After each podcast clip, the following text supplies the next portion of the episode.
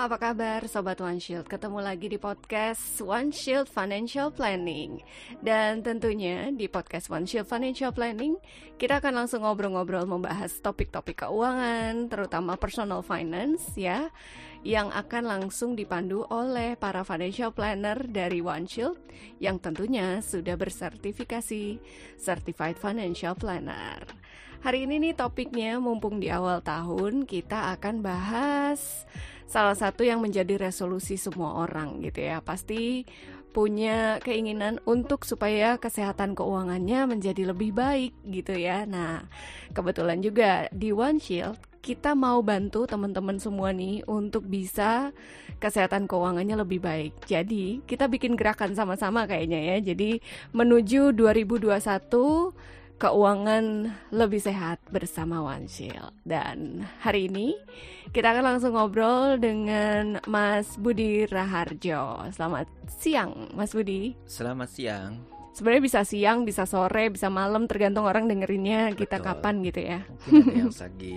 dengerinnya menuju uh, tidur ya, juga boleh selamat malam lah. Iya, selamat malam. Oke. Okay. Jadi gini, kita kan udah masuk ke pertengahan Januari ya. Ada yang masih punya resolusi keuangan nih di 2021. Mungkin karena di 2020 resolusinya belum tercapai, jadi ada pengulangan gitu di 2021. Bisa, bisa ya? Mm -hmm, itu bisa aja terjadi. Dan nggak apa-apa juga gitu ya. Dan nggak apa-apa, betul. Mm-mm, yang penting ada niat dan dijalankan. Ya. Kita ngomongin hari ini adalah menuju sehat keuangan bersama One Shield. Iya, jadi aku mau berangkat dari latar belakangnya ya, gitu ya. Jadi kenapa sih kok ada orang-orang yang pingin keuangannya lebih sehat ya dan sebagainya. Ada salah satu alasannya mungkin ada yang uh, tahun lalu ini kan adalah salah satu momen yang quite challenging ya tahun lalu ya buat kebanyakan orang. Ada yang mungkin penghasilannya terganggu, mungkin ada pengeluaran besar yang keluar cukup banyak karena adanya pandemi. Itu kan sempat ya di awal-awal itu kita mengalami situasi yang kita harus beradaptasi. Tidak iya. hanya beradaptasi dari sisi kebiasaan loh, tapi juga beradaptasi dari sisi pengeluaran. Hmm. Tadinya mungkin pengeluaran untuk kesehatan nggak seberapa, tapi semenjak pandemi ini ada pengeluaran untuk masker setiap bulan, mungkin juga ada vitamin, hand ya, sanitizer, hand sanitizer, disinfektan ya. Benar gitu. Jadi ada penyesuaian-penyesuaian pengeluaran. Hmm. Terus mungkin juga ada beberapa dari kita yang punya kendala dari sisi penghasilan semenjak PSBB, terutama yang penghasilannya itu harus dari tatap muka misalnya. Hmm. Jadi kalau tidak ada tatap muka, sedangkan terjadi pembatasan sosial gitu kan, jadi kan tidak ada interaksi. Iya. Dan secara bisnis juga belum siap untuk bermigrasi gitu ya dari yang awalnya konvensional tiba-tiba disuruh online mm -mm. atau mungkin juga customernya pun juga masih yang belum beradaptasi dengan situasi sehingga mereka menunda keinginan mereka untuk membeli sehingga mungkin ada beberapa bulan di tahun 2020 tuh yang menguras dana daruratnya misalnya. Mm -mm. Nah, atau mungkin dia mengalami uh, harus pinjam uang dulu dan sekarang mungkin di tahun 2021 ini saat segala sesuatunya sudah mulai terlihat oke okay, situasinya seperti ini, kemudian juga uh, kondisi keuangan juga lebih tahu lah ya kalau separah-parahnya itu kondisinya seperti ini misalnya. Nah, sekarang mereka punya rencana untuk mulai bebenah lah ya, berberes uh, keuangan di tahun 2021 ini agar lebih sehat. Nah, kami dari One Seal ingin banget nih menemani teman-teman semua gitu ya. Kita berbagi nggak cuma sekedar dari skill pengetahuan keuangannya, tapi juga bagaimana tips dan triknya ya, tips dan triknya supaya keuangan kita di saat kita sedang berbenah di tahun 2021 ini step by stepnya gimana sih agar akhirnya di tahun 2021 pelan-pelan kondisi keuangan kita itu makin lama makin rapi. Mungkin ada yang butuh waktu pendek, istilahnya mudah lah untuk memperbaikinya. Tapi mungkin ada juga yang butuh waktu agak panjang, ya. Jadi bisa aja ternyata nggak cukup setahun, mungkin bisa dua tahun dan lain sebagainya. Nah, bagaimana caranya kita bisa tahu mana yang akhirnya menjadi tujuan jangka pendek, akhirnya bebenahnya akan jadi tujuannya agak panjang bagaimana? Nah ini sekarang kita akan bahas satu persatu. Jadi prosesnya itu memang nggak bisa dibilang sebentar semuanya ya harus bisa tercapai dalam berapa bulan gitu ya. Kondisinya pasti beda-beda ya. Ada yang jangka pendek, ada yang jangka menengah dan jangka panjang gitu ya untuk ngeberesin masalah keuangan ini gitu kan. Iya, betul. Jadi hmm. jangan heran kalau ternyata misalnya gini, kita pernah mengalami tahun 2018 bikin resolusi keuangan. Terus -hmm. kemudian tahun 2019 kok masih belum tercapai? Mungkin bukan nggak tercapai, tapi -hmm. mungkin baru tercapai 50%, ya kan? Atau oh, mungkin baru okay. tercapai 25%. Tetap ada progres, tetapi mungkin belum seperti harapan idealnya. Nah, dari sini kita makanya bisa tahu nih, kita harus tahu uh, gimana caranya biar resolusi keuangan ini bisa kita raih gitu. Oke. Berarti udah bisa mulai dikasih tahu nih step-stepnya seperti apa sih sebenarnya untuk menentukan seberapa panjang proses yang kita butuhkan gitu ya. Ya, betul Gimana sekali. caranya? Nah, pertama kita harus punya suatu alasan yang kuat. Kalau kita ingin berberes rumah aja misalnya, kita harus punya alasan yang kuat. Kenapa sih?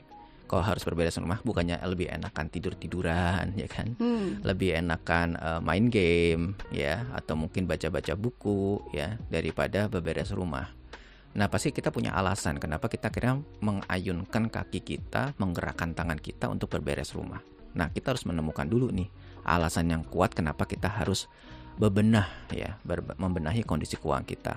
Nah, alasan yang kuat inilah yang harus kita ingat-ingat sepanjang tahun 2021 ini. Karena kalau kita nggak punya alasan yang kuat, bukan nggak mungkin di tengah perjalanan ya kita ngerasa nggak perlu banget gitu ya. Misalnya, nggak mau lanjut, nggak akan lanjut ya? juga gitu. Jadi hmm. misalnya di awal tahun udah berencana saya pengen nambah dana darurat saya. Terus kemudian rencananya tiap bulan nabung deh 500 ribu atau sejuta untuk nambah dana darurat saya. Tetapi ternyata nggak nggak terjadi Hmm. Waktu pas dia tidak menyisikan satu juta atau lima ratus ribu tadi, buat dia nggak ada masalah sih tabungan saya nggak nambah.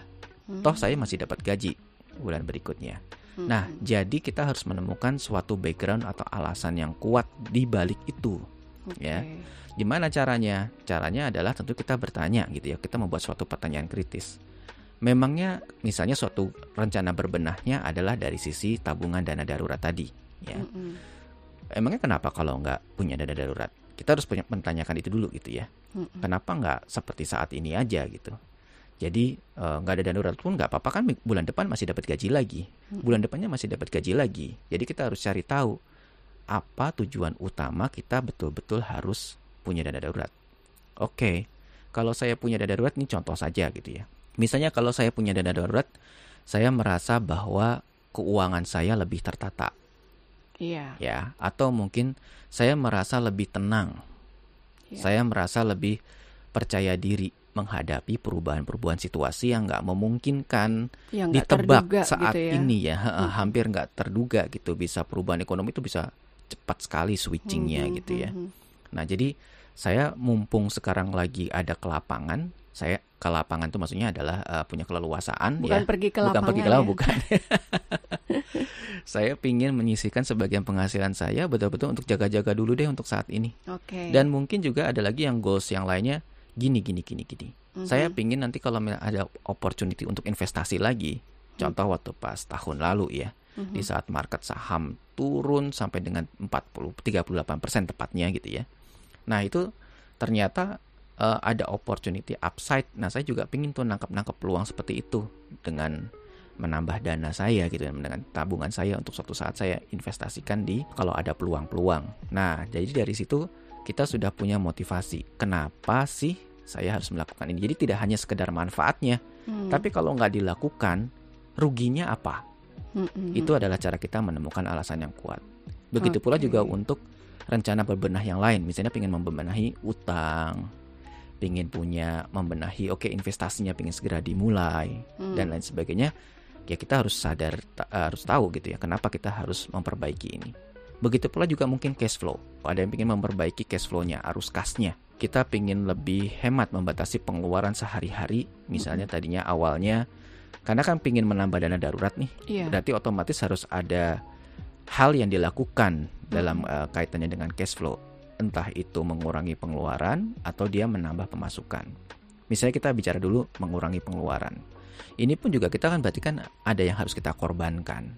Dia yeah. pingin oke okay, membatasi deh pengeluaran tiap bulan dikontrol menjadi hanya 100 ribu misalnya mm -hmm. per per hari ya kan supaya saya bisa nabung lebih banyak atau mungkin jadi 50 ribu per hari supaya bisa nabung lebih banyak bagaimana caranya nah ini kan butuh tekad tadi ya butuh alasan gitu kan kenapa sih harus yang biasanya 150 ribu per hari diturunin jadi 50 ribu Iya. why gitu kan Pasti nggak enak. pasti gitu. nggak enak kan Mm-mm. tapi kalau kita ingat eh, alasannya iya ini nanti biar tabungan kita segera tercapai yang ini Iya. kalau kita ingin beli aset bisnis atau mungkin ada yang mau sedang beralih dari awalnya karyawan mau mulai usaha itu pun juga bisa bisa terwujud Mm-mm. kalaupun ada yang ingin menciptakan penghasilan tambahan misalnya akhirnya goalsnya adalah iya kita harus nambah tabungan kita karena kita ingin bikin modal untuk mulai usaha jadi kita punya beberapa sumber penghasilan Mm-mm. Nah, itu pun juga bisa menjadi salah satu dorongan yang kuat gitu untuk Ya, mencari. pokoknya jadinya eh, harus ingat lagi ya, awalnya kita mau melakukan itu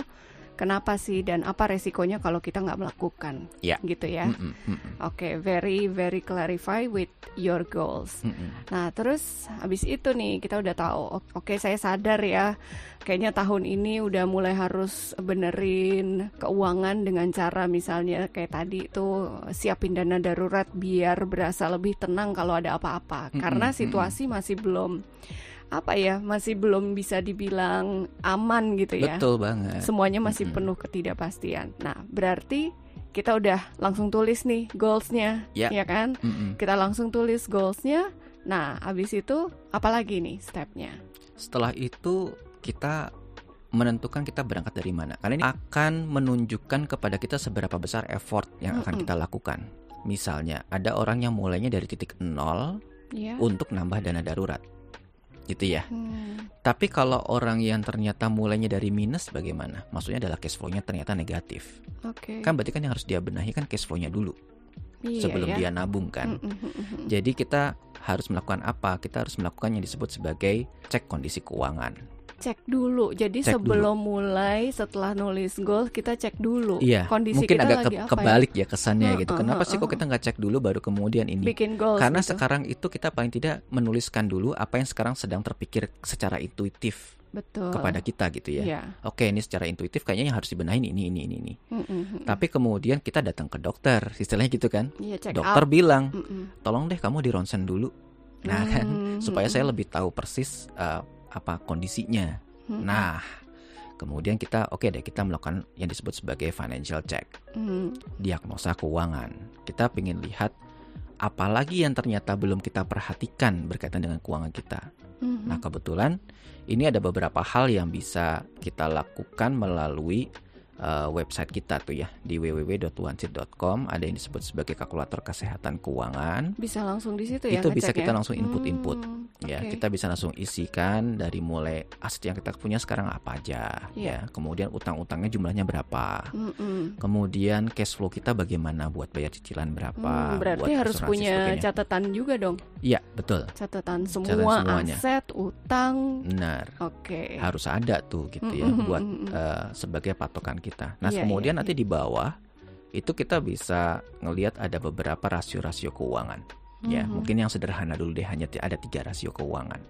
Tapi dari situ saja sudah membuat kita jadi punya pandangan mengenai situasi keuangan kita lebih detail, Iya, ya kan? Jadi Mm-mm. kemudian akhirnya kita bisa melihat apa sih poin positifnya dari keuangan saya saat ini, iya. apa sih poin negatifnya, ya kan?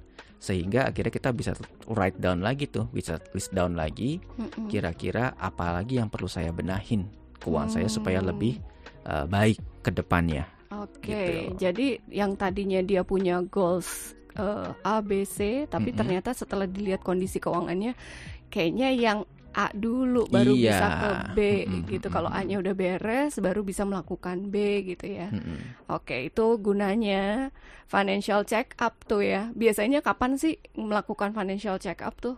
biasa dilakukan di awal tahun ada- Biasanya biasanya adalah poin-poin yang Hmm.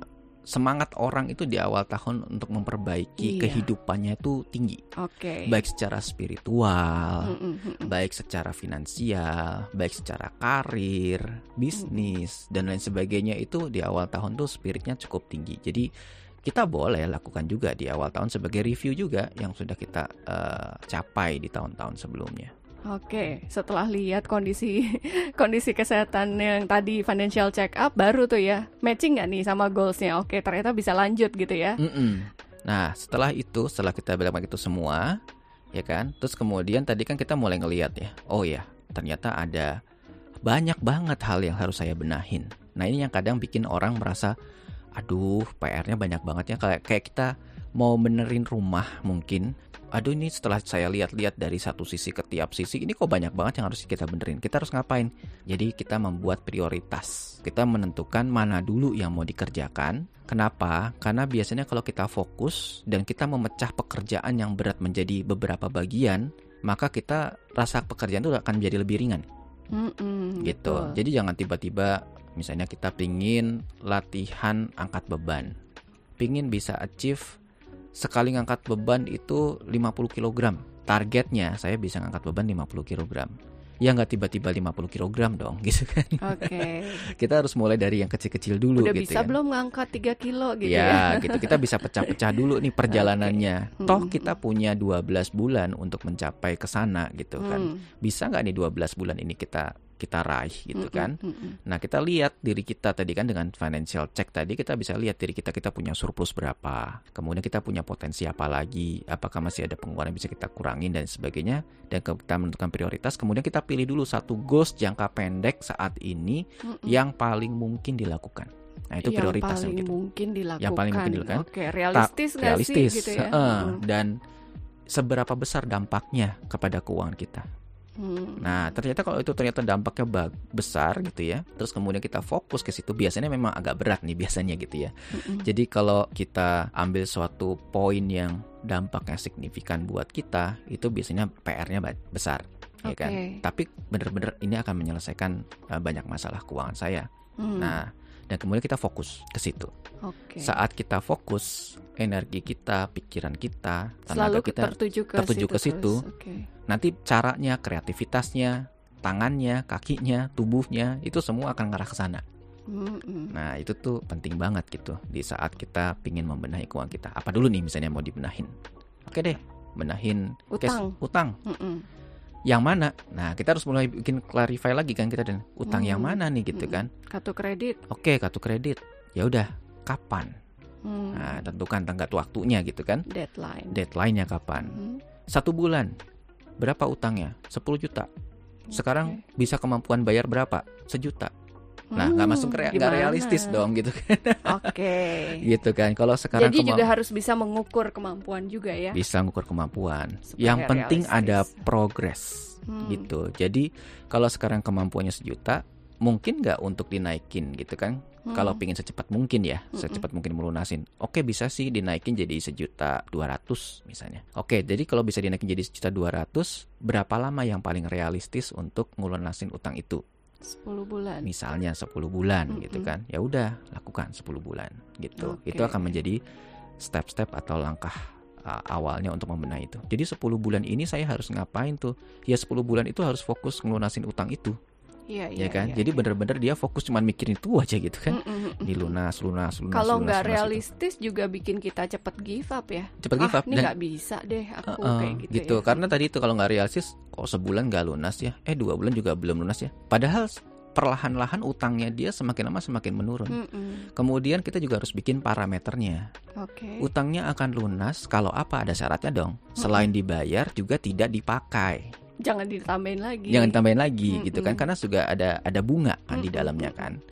Jadi kita waktu pas kita mau melunasin ya kita berarti kita nggak boleh pakai. Kalaupun kepake berarti sifatnya harus segera dilunasi saat itu juga. Iya. Nah jadi kita harus menyadari itu dan kita fokus. Kalau kita fokus juga rentang rentang kita untuk mengawasinya, mengevaluasinya pun juga lebih enak kan ya. Betul. Gitu misalnya kita ya udah nih saya cuma fokus ke ini dulu nih beresin utang. Mm-mm. Ya udah kita beresin dulu nih selama berapa bulan gitu ya. Tadi misalnya Iya. 10 bulan gitu kan. Nah, ada itu kita fokus aja. Jadi kayak realistis kan. Mm-mm. Oh, tahun ini target saya sih cuman itu dulu sih. Mm-mm. Apa ngelunasin utang dulu sih. Mungkin nanti setelah itu baru saya nambahin ini, nambahin itu, nambahin ini gitu. Oke. Kemudian misalnya kemudian eh, tapi saya nggak pengen cuma satu goals. Saya pengen minimal dua goals. Nah, tadi kan sudah semua resources digunakan untuk bayar utang. Iya. Berarti Ya Udah nggak ada lagi. dilakukan juga. apalagi yang bisa dilakukannya gitu kan? Kelihatannya harus nambah penghasilan nih. Nah, biar bisa nabung juga gitu Iya. kan. Nah dicari tuh baru dicari. Cuman ini yang kedua ini mungkin saya harus cari karena saya nggak punya sumber daya lain, Hmm. nggak ada tabungan, nggak ada apa gitu. Saya harus cari apa ya bisnis yang bisa saya lakukan tanpa harus keluar uang lebih banyak tapi dapat income, Iya. ya kan? Nah dicari deh tuh. Kalau Hmm. kita mencari, kita pasti akan dapat jawabannya, Hmm. gitu. Iya, iya, Itu iya. Salah satu eh, peranan dari fokus dan melakukan prioritas saat kita ingin beberes nih rapi-rapi kondisi keuangan gitu. Oke, jadi yang pertama tentuin prioritas mana yang paling penting yang harus dilakukan saat ini juga gitu ya. Mm-mm. Terus kemudian bikin target yang realistis gitu ya. Kalau misalnya kemampuannya berapa, ya bikin targetnya juga yang sesuai dengan kemampuan yang kita punya dulu gitu kan. mm-mm. Oke, terus kemudian bikin action plan atau deadline-nya ya. Ini Iya. mau mau kapan nih selesai? Mm-mm, Betul. Oke. Rencana deadline-nya. Mm-mm, Dan jangan lupa juga loh, mm-mm. kadang orang suka tadi itu strateginya salah.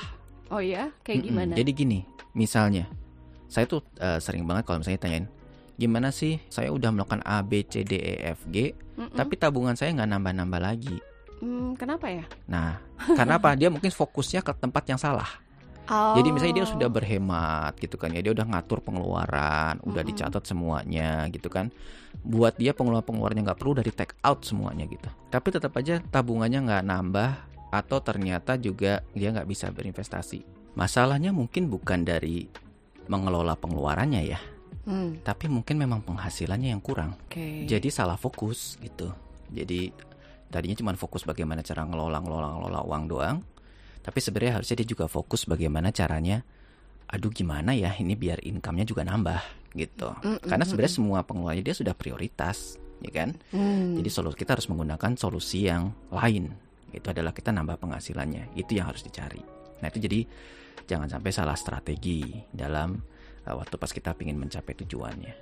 Jadi sebenarnya pas kita tahu ada kondisi yang memaksa kita untuk melakukan perubahan, akhirnya kita mengupgrade diri kita juga ya. Maksudnya kita jangan selalu terpaku bahwa penghasilan kita akan segitu-segitu gitu. Jadi harus membuka pikiran bahwa kita harusnya bisa dapat eh, lebih lagi nih penghasilannya gitu ya. Betul. Karena kita punya tujuan keuangan yang yang lain yang akan eh, ke depan juga bisa jadi akan lebih besar gitu ya. Iya betul. Dengan kita sudah melakukan evaluasi-evaluasi tersebut, itu juga menjadi introspeksi buat kita. Betul. Ya kan? Memang menurunkan pengeluaran itu lebih kelihatan di mata sekarang dan Hmm. bisa dilakukan sekarang. Kalau kita bicara menaikkan penghasilan tuh butuh waktu, ya. Misalnya kalau seorang karyawan, berarti kan dia harus mengembangkan karirnya gitu kan. Iya. Dia harus oke menunggu evaluasi tahun berikutnya misalnya dan sebagainya. Tapi ya memang itu memang butuh waktu ya. Jadi kalau untuk saat ini gimana? Ya saat ini kondisinya begitu. Apalagi yang bisa dilakukan mungkin bukan langsung naik pangkat misalnya, tapi Mhm. Mungkin ada usaha sampingan yang bisa dilakukan. Jadi kita bisa menciptakan multiple stream of income. ya. Iya, atau Mulai- melihat lagi kali ya. Oh, jangan-jangan saya punya kesempatan lebih bagus di tempat lain gitu ya. Iya, atau juga bisa Mm-mm. seperti itu. Ya kita harus realistis aja gitu ya. Ternyata Iya. kalau misalnya kita punya keahlian, Hmm. kita punya pengetahuan yang mumpuni yang akhirnya kita bisa komunikasikan kepada orang lain dan bisa mendapatkan opportunity-nya. Kenapa Hmm. enggak gitu kan. Cuma memang opportunity atau peluang itu harus dicari. Dia nggak akan datang sendiri betul. gitu. Baik dia ternyata mau menambah income dengan memulai usaha ataukah dia ingin menambah income dengan eh, apa namanya mencari peluang pekerjaan di luar itu semua juga harus cari sendiri gitu ya peluang-peluang itu gitu. Berarti tadi setelah tahu gitu kan targetnya, terus sudah mulai bikin deadline, ternyata juga strateginya juga harus yang tepat. Berarti lanjutannya apa lagi? Kemudian ya tadi kita udah melihat dari sisi alasannya, terus Mm-mm. kemudian kita menetapkan goals. Mungkin juga kita perlu juga bicara memangnya kondisi keuangan yang sehat itu saya bisa nggak sih nggak perlu harus ngisi-ngisi gitu tapi kita tahu kondisi keuangannya sehat tuh Iya. deskripsinya kayak apa gitu. Mm-mm, mm-mm. Simple sebenarnya. Nih, kita secara kualitatif aja ya gitu. Kalau dana darurat Anda sudah punya, Mm-mm. ya itu parameter pertama. Ya, Oke, jadi yang dibilang keuangan sehat itu punya dana darurat. iya punya dana darurat. Oke, ini berarti nomor satu ya. Dana darurat itu sepenting itu gitu. Iya, sepenting Oke, itu. okay. Hmm. nih maaf maaf ya kalau misalnya teman-teman sering ya kalau lagi ngobrol sama teman-teman kan suka ada lo udah punya investasi apa? Tapi ternyata justru yang ditanya tuh bukan kita udah seberapa gede kita invest sana sini. Hmm, hmm, hmm. Terus nggak punya dana darurat itu bahaya juga kan? bahaya juga. Berarti meskipun justru- mm-mm. meskipun punya investasi itu adalah salah satu pertanda kemakmurannya Betul, dia. betul. Tapi begitu dia nggak prepare dengan situasi emergency, Hmm, kan kita tahu investasi itu bisa up and down. betul. Kita pun sudah merasakan kebetulan contohnya ada kemarin gitu kan iya. ya. Mm-mm. Jadi ki- gimana kalau misalnya ternyata investasi sedang nggak bagus ya kan? Mm-mm. Kita ngambil posisi uh, investasi bagaimanapun juga salah. Kita Iya. investasi real maupun investasi finansial juga nggak menghasilkan. Kita akan bergantung kepada tabungan dana darurat ini, Itu dia. emergency fund ini gitu ya. Oke, jadi Gitu. yang pertama kondisi yang sehat adalah punya dana darurat. Darurat. Hmm. Oke. Kedua, Kemudian, mm-mm. indikator yang berikutnya yang kedua yang kita bisa cek. Kita udah punya asuransi belum? Asuransi Nah. kesehatan sama asuransi jiwa. Iya, asuransi adalah proteksi. Ya, asuransi adalah Oke. proteksi keuangan kita. Mhm. Kenapa? Dengan berasuransi ini kita nggak perlu ngeluarin uang dari dana darurat tadi. Kita ah, mau ada biaya kesehatan karena harus dirawat inap, ada sakit dan sebagainya. Ya nggak perlu harus pakai uang kita pribadi ya. Intinya jadi nggak mengganggu keuangan kita Betul, ya, ya. Heeh, karena kita udah punya Mm-mm. pos sendiri buat uh, perlindungan gitu ya. Mm-mm. Oke. Tapi nggak bisa dipungkiri ya. Saya Mm-mm, masih menemukan banyak banget orang yang berpikiran buat apa sih beli asuransi, Mhm. punya asuransi sendiri gitu mhm. kan. Eh, kan udah ada BPJS gitu kan. Mhm, Terus mhm. kemudian juga rugilah kalau kita udah keluar uang terus kemudian nggak dipakai. Nah gini, pola pikir saat kita membeli asuransi itu nggak bisa dengan pola pikir bisnis atau investasi. Kalau kita berpola pikir bisnis atau investasi adalah kalau kita taruh uang kita harus dapat benefit, Iya. ya kan? Tapi Kalau nggak kepake, kalau rugi nggak kepake gitu. rugi.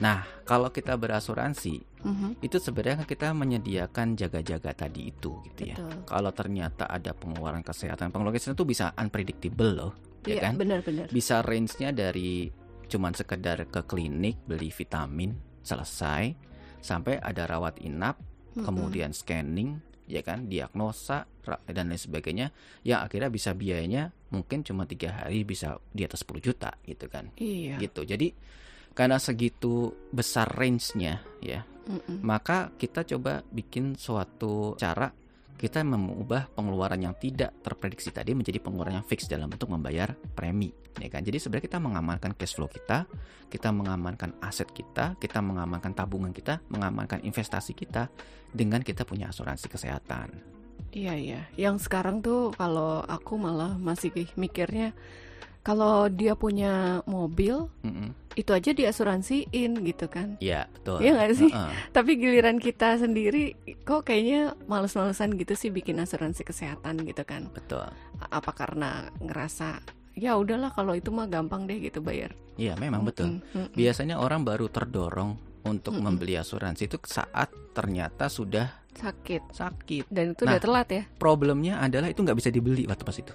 Iya. Karena Nggak apa? ada yang mau terima ya. Benar. Jadi Hmm. buat teman-teman ya, saya akan berikan satu informasi bahwa di perusahaan asuransi itu ada prinsip yang disebut sebagai anti seleksi. Saat kita ngerasa perlu banget asuransi ini mungkin, kalau pikirannya bisnis tadi kan, entar aja beli asuransinya kalau Pas udah butuh. udah terasa gitu kan, yang nggak bisa. Justru gitu. nggak bisa. Itu Pas udah sudah kan. ada tanda-tanda kita sakit, nggak lolos seleksi untuk bisa dapat asuransi karena ya. diseleksi. Iya, Untuk benar, orang benar. menjadi ikut peserta asuransi itu harus harus adalah orang yang punya resiko wajar, orangnya Hmm, sehat. Iya. itu dia baru bisa ikut peserta asuransi gitu ya. Tapi Iya. kalau dia sudah sudah pasti nih bakalan sakit, ya perusahaan asuransi juga ya ini berarti resiko tinggi dong gitu Iya, kan. Nah, resiko tinggi berarti nggak bisa tentu di-cover ya bisa. gitu. Oke, Gitu. oke. Itu ada prinsip anti seleksi. Teman-teman bisa browsing apa sih anti seleksi. Nah, itu Iya, jadi setelah tadi pertama tahu kalau untuk kesehatan keuangan yang baik adalah pertama punya dana darurat, terus kedua punya proteksi ya, jaminan kesehatan baik asuransi jiwa sama asuransi kesehatan gitu ya. mm-mm. Yang berikutnya apa? Ciri-ciri Berikutnya, ciri-cirinya lagi ya. Mm-mm.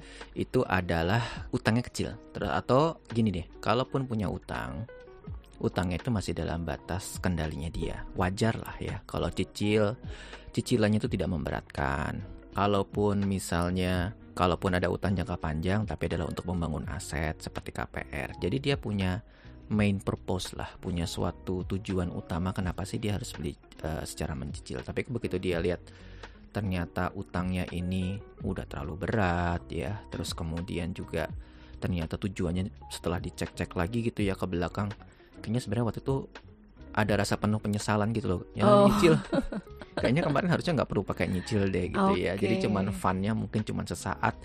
Nah itu perlu kita evaluasi. Tapi kalau sejauh punya cicilan yang wajar, bisa mm-hmm. dikontrol. Biasanya perencana keuangan suka menyebut cicilan itu tidak lebih dari 30% sampai dengan 35% dari penghasilan.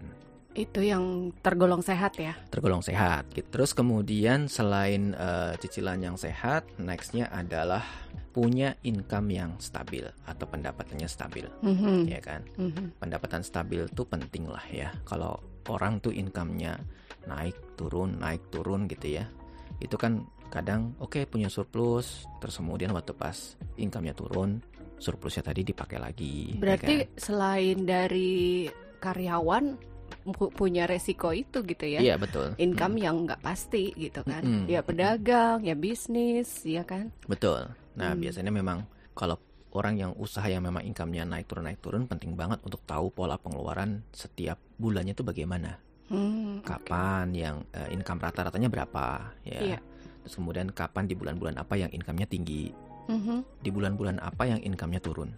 Jadi dia bisa antisipasi ya? Antisipasi saat mm. ternyata income-nya turun, itu dia bisa antisipasi. Baik. Ya dengan entah dia selama bulan-bulan. Biasanya sih mental pengusaha itu sudah ada lah ya. Mereka mm. biasanya memang menunda kalaupun punya uang banyak itu mereka tambahin dulu dan cadangannya supaya income mereka tuh jadi lebih stabil saat menghadapi penghasilannya mengalami penurunan. Jadi sebenarnya juga walaupun pebisnis atau pedagang gitu ya yang uh, atau freelancer gitu ya, kalau misalnya income-nya udah tahu nih mereka naik turun tapi kalau bisa punya prediksi kapan naik dan kapan turunnya terus kemudian sudah punya pegangan gitu ya yeah. untuk antisipasinya berarti sebenarnya bisa dibilang itu juga stabil sih stabil gitu mm -hmm. ya okay. jadi diambil rata-ratanya gitu jangan dilihat naik turunnya tapi diambil rata-ratanya nah terus kemudian yang berikutnya lagi indikator yang kita uang kita sehat adalah aset kita ternyata tiap tahun dalam jangka panjang itu selalu nambah, nambah, okay. nambah gitu ya. Aset yang bertambah Asetnya ya. bertambah. Tidak hanya dari sisi jumlahnya mm-hmm. gitu, tapi, tapi dari juga nilainya. secara value-nya juga oh, betul dari sisi nilainya. Mungkin barangnya nambah banyak gitu, tapi ternyata kebanyakan barangnya itu ternyata nilainya makin lama makin turun. Itu secara value totalnya ternyata eh, nggak uh, meningkat. Oh, nah, jadi yang value-nya bagus dan juga jumlahnya juga banyak gitu ya yang ya, bagus ya mm -mm, oke okay. gitu nah jadi dari situ kita bisa lihat ya jadi karakteristiknya sesimpel itu aja asetnya mm. meningkat mm -mm. utangnya wajar okay. punya dana darurat punya asuransi ya kan kemudian utang, income-nya utang stabil. hilang juga itu sehat ya utangnya hilang pun apalagi ya mengalami penurunan ya utangnya mm -mm. hilang atau semakin lama semakin menurun menurun menurun menurun utang konsumtif terutama Okay. Ya, itu semakin menurun. Itu adalah ciri-ciri keuangan yang sehat. Nah, teman-teman boleh kok tambahin lagi hmm. ciri-ciri keuangan sehat menurut versi kalian. Oh, Tapi kalau gitu. menurut saya, uh -uh. yang paling basic yang perlu diperhatikan tuh itu. Jadi mungkin kalau teman-teman ada patokannya misalnya kayak urusan sekolah anak terpenuhi gitu ya. ya Terus kalau kemudian pas bayar uang pangkal anak itu nggak mikir lagi. Udah nggak mikir lagi sampai dia kuliah ada, itu gitu ya? sehat. Ya. Oke. Okay. Ya. Oh, itu gitu. lebih advance lah. Ini kan yang very yeah. basic. Kemudian advance-nya adalah eh uang sekolah anak tenang sayang. Oke -mm. duitnya udah ada udah aku siapin. Nah gitu kan. Ya jadi kayak gitu tuh emang udah lebih tenang ya. Pokoknya kalau keadaan financialnya udah nggak ada yang bikin pusing kepala tuh berarti kondisinya udah lebih sehat gitu kan? Iya. Pada oh. pada akhirnya itu yang kita rasakan. Kalau hmm. keuangan kita in a good shape kita nggak pernah worry. Hmm. Ujungnya sih itu ya kita nggak worry dengan oke okay, ini nanti ada begini begitu. Itu lebih siap lah.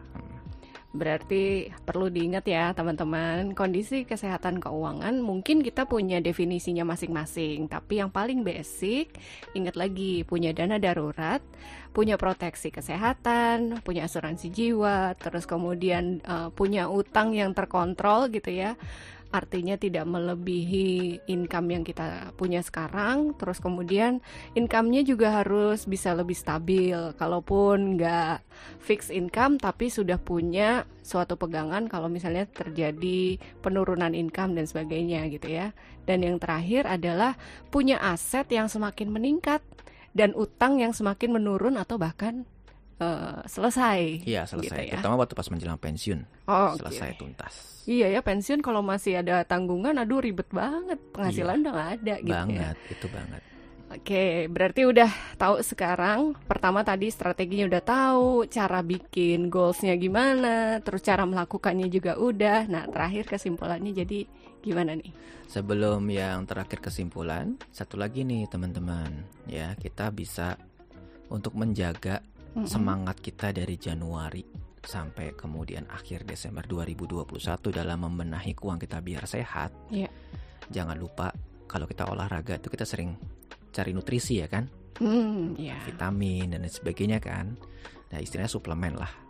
Banyak-banyak juga kita waktu pas kita pingin keuangan kita lebih baik, coba kita cari suplemen-suplemen bacaan hmm. atau informasi mengenai keuangan yang cukup memotivasi kita untuk iya aku mau kok keuangan aku lebih baik gitu kan yeah. itu bisa dari kisah-kisah inspirasi mungkin ya sekarang banyak lah resourcesnya mulai dari YouTube sosial media hmm. atau buku-buku dari kalang apa namanya uh, pengarang-pengarang perencanaan keuangan gitu ya hmm. dan juga kalau mungkin ada rezeki juga mau hire seorang perencana keuangan pun juga bisa gitu ya. Mereka akan bisa Bantuin uh, membantu ya? hmm. mulai dari mengidentifikasi, membantu membuat prioritas, mana okay. dulu yang harus dikerjakan ya. Terus kemudian uh, alokasi dan sebagainya sesuai dengan expertise mereka, pengalaman mereka itu bisa akan sangat membantu. Dan di OneShield kita punya loh program yang memudahkan orang untuk membuat rencana keuangan dengan budget yang sangat-sangat terjangkau, terjangkau ya? banget. Oke. Ya itu program itu menarik, uh, menarik. Ya itu program itu bisa ditanyakan aja kepada uh, uh, financial planner kami atau juga bisa tanya ke info at ya. Bagaimana sih caranya untuk menjadi klien yang tadi dengan biaya terjangkau tadi. Siap. Jadi ya itu tadi ya. Kita juga sendiri harus nambah referensi banget nih untuk bisa on track melakukan goalsnya nanti untuk supaya keuangan lebih sehat. Iya. Gitu. Bisa juga dong ikut ini kelas-kelasnya One Shield kan ada ya kelas perencanaan keuangan pribadi kan ya. Betul sekali. Mm -mm. Jadi gini, kalau misalnya ternyata kita tidak membutuhkan consulting, mm -mm. ya kan konsultasi, mm -mm. tapi saya ingin mempelajari sih apa sih ilmu yang bisa saya lakukan sendiri. Saya ingin yeah. melakukan rencana keuangan saya sendiri. Saya okay. ingin tahu apa itu instrumen investasi yang sesuai buat saya, ya kan? Cara menghitung like sebagai seorang perencana keuangan. Kita punya banyak program-program, baik program yang sertifikasi untuk orang yang memang ingin berprofesi sebagai seorang perencana keuangan, maupun juga orang yang hanya sekedar ingin ilmu perencanaan keuangan buat dirinya dia sendiri. Itu bisa. Jadi kita kasih tuh ilmunya. Ya kalian bisa DIY dong ya? Do it yourself gitu. Okay. kenapa enggak gitu? Hmm. kenapa enggak melakukan sendiri? Karena gini pada dasarnya juga waktu pas kita melakukan uh, keuangan kita ingin membenahi kita nggak bisa nyuruh orang lain untuk melakukan buat kita. Melakukan buat kita. Tolong dong gimana caranya utang saya lunas gitu ya. Iya. Nyuruh kamu orang. kamu yang kerja, ya kan kamu yang lunasin, hire konsultannya, terus kita yang lunas gitu. Gak bisa gitu. Gak bisa kan. begitu. Gak bisa begitu. Sama aja ya kayak hmm. orang mau melangsing gitu ya nyuruh orang kamu yang gak usah makan ya tapi saya yang langsing iya gitu ya. gak bisa itu bukan sulapan gitu jadi kita harus melakukan segala sesuatunya sendiri gitu. Okay. Kalaupun ada bantuan dari seorang konsultan adalah untuk melihat mungkin hal-hal yang lebih detail, sisi yang mm -mm. kita nggak kita nggak tahu. Ya isinya tuh kalau sekarang kondisi keuangannya belum memungkinkan, ya kita doing yourself. Betul betul. Tapi kalau sudah memungkinkan finansialnya, hire a, a financial planner akan lebih efektif supaya apa kita bisa lebih fokus kepada expertise kita karena kan biasanya memang orang nggak mungkin menguasai beberapa keahlian ya. Oke. Okay. Gitu. Iya, iya. Menarik banget ya. Berarti kita bahkan bisa melakukan sendiri nih, belajar, cari tahu, ngobrol sama uh, teman-teman financial planner di OneShield juga boleh gitu ya. Atau yang paling simple aja deh gitu ya, ngikutin semua tipsnya OneShield baik dari podcast, Instagram, bahkan di artikel-artikel yang ada di website kami. Teman-teman juga bisa langsung cek di sana ada nyoba kalkulator gratis. Oke, baik. Selanjutnya gimana nih jadinya? Oke, selanjutnya adalah tadi kita udah kasih tipsnya sekarang ambil kertas ya kan? nah. kan terus kemudian udah deh mulai coret-coret ya kan coret-coret apa sih yang perlu dilakukan tools kita sudah siapkan jadi selain ada pelatihan-pelatihan tadi yang berbiaya murah juga ada sertifikasi konsultasi juga yang biaya murah pun juga ada teman-teman juga kita provide dengan tools ya kan ada kalkulator gratis bisa dipakai dan sebagainya gunakan hmm. saja pokoknya tinggal visit website kami yeah, untuk oneshield.com ya. Ya, tugasnya adalah melakukan dulu itu verifikasi. Next time kita akan bahas lebih detail. Jadi kalau kita, oke okay, saya udah mau ngambil dana darurat nih, mm buat to do berapa mm nilainya, saya udah lihat tuh di kalkulatornya One sih dana daruratnya idealnya sekian, tapi gimana caranya, gimana? caranya bagaimana, terus itu kapan dipakainya dan mm. sebagainya. Next time kita akan gali lebih jauh, termasuk juga hal-hal yang lainnya tadi ya, asuransinya kayak apa dan sebagainya. Kita start dari membangun pondasi keuangan yang sehat kan, yang kuat karena kita sudah tahu bahwa keuangan atau uh, kondisi ekonomi tidak selalu sama. Siap, itu dia. Cukup lah ya penjelasannya hari ini. Mudah-mudahan teman-teman udah bisa lebih mantap lagi nih. Punya goals udah gitu ya, punya wish di tahun 2021 udah tinggal strateginya tadi udah dikasih tahu juga biar on track gimana biar uh, solusi yang dikerjakan itu nggak salah gitu ya fokusnya Betul. gitu kan. Mm-hmm. terus sampai akhirnya supaya bisa tujuannya tercapai gitu. Dan kalaupun kayaknya belum nyampe ke goals yang diinginkan jangan jangan khawatir jangan juga. jangan khawatir jangan putus asa. Kita jadikan itu sebagai sebuah feedback gitu ya. Progres ya progres. progres suatu saat pasti kita akan mencapai ke sana. Cuman kapan waktunya? Kalau kita nggak mencanangkan, ya kita nggak akan achieve. Oke. Okay. Baik kalau gitu berarti cukup sekian Ketemu lagi nanti ngobrol-ngobrol di podcast One Shield Financial Planning Mengenai personal finance tentunya ya Jadi teman-teman bisa kalau mau nanya-nanya untuk dibahas langsung aja message kami di Instagram at OneShield atau kamu mau mulai baca-baca nih artikel-artikel yang bisa membantu kamu merencanakan keuangan sendiri nih. Langsung aja ke oneshield.com ada kalkulator gratis yang bisa langsung kamu coba dan nggak perlu bayar nggak perlu daftar gitu ya. Dan bahkan eh, itu bebas banget untuk digunakan. Kita nggak nyimpen data kalian juga ya. Betul. Oh, kita jadi menjaga privasi. Kalian. Menjaga privasi bisa dipakai, terus bisa jadi bahan diskusi dengan pasangan gitu kan. Oke, Mas Budi, thank you so much untuk bahasannya hari ini menarik banget, lengkap. Sama-sama. Dan kita akan ketemu lagi di series berikutnya ya menuju Kesehatan Keuangan 2021 bersama One Shield. Selamat siang. Bye-bye. Bye.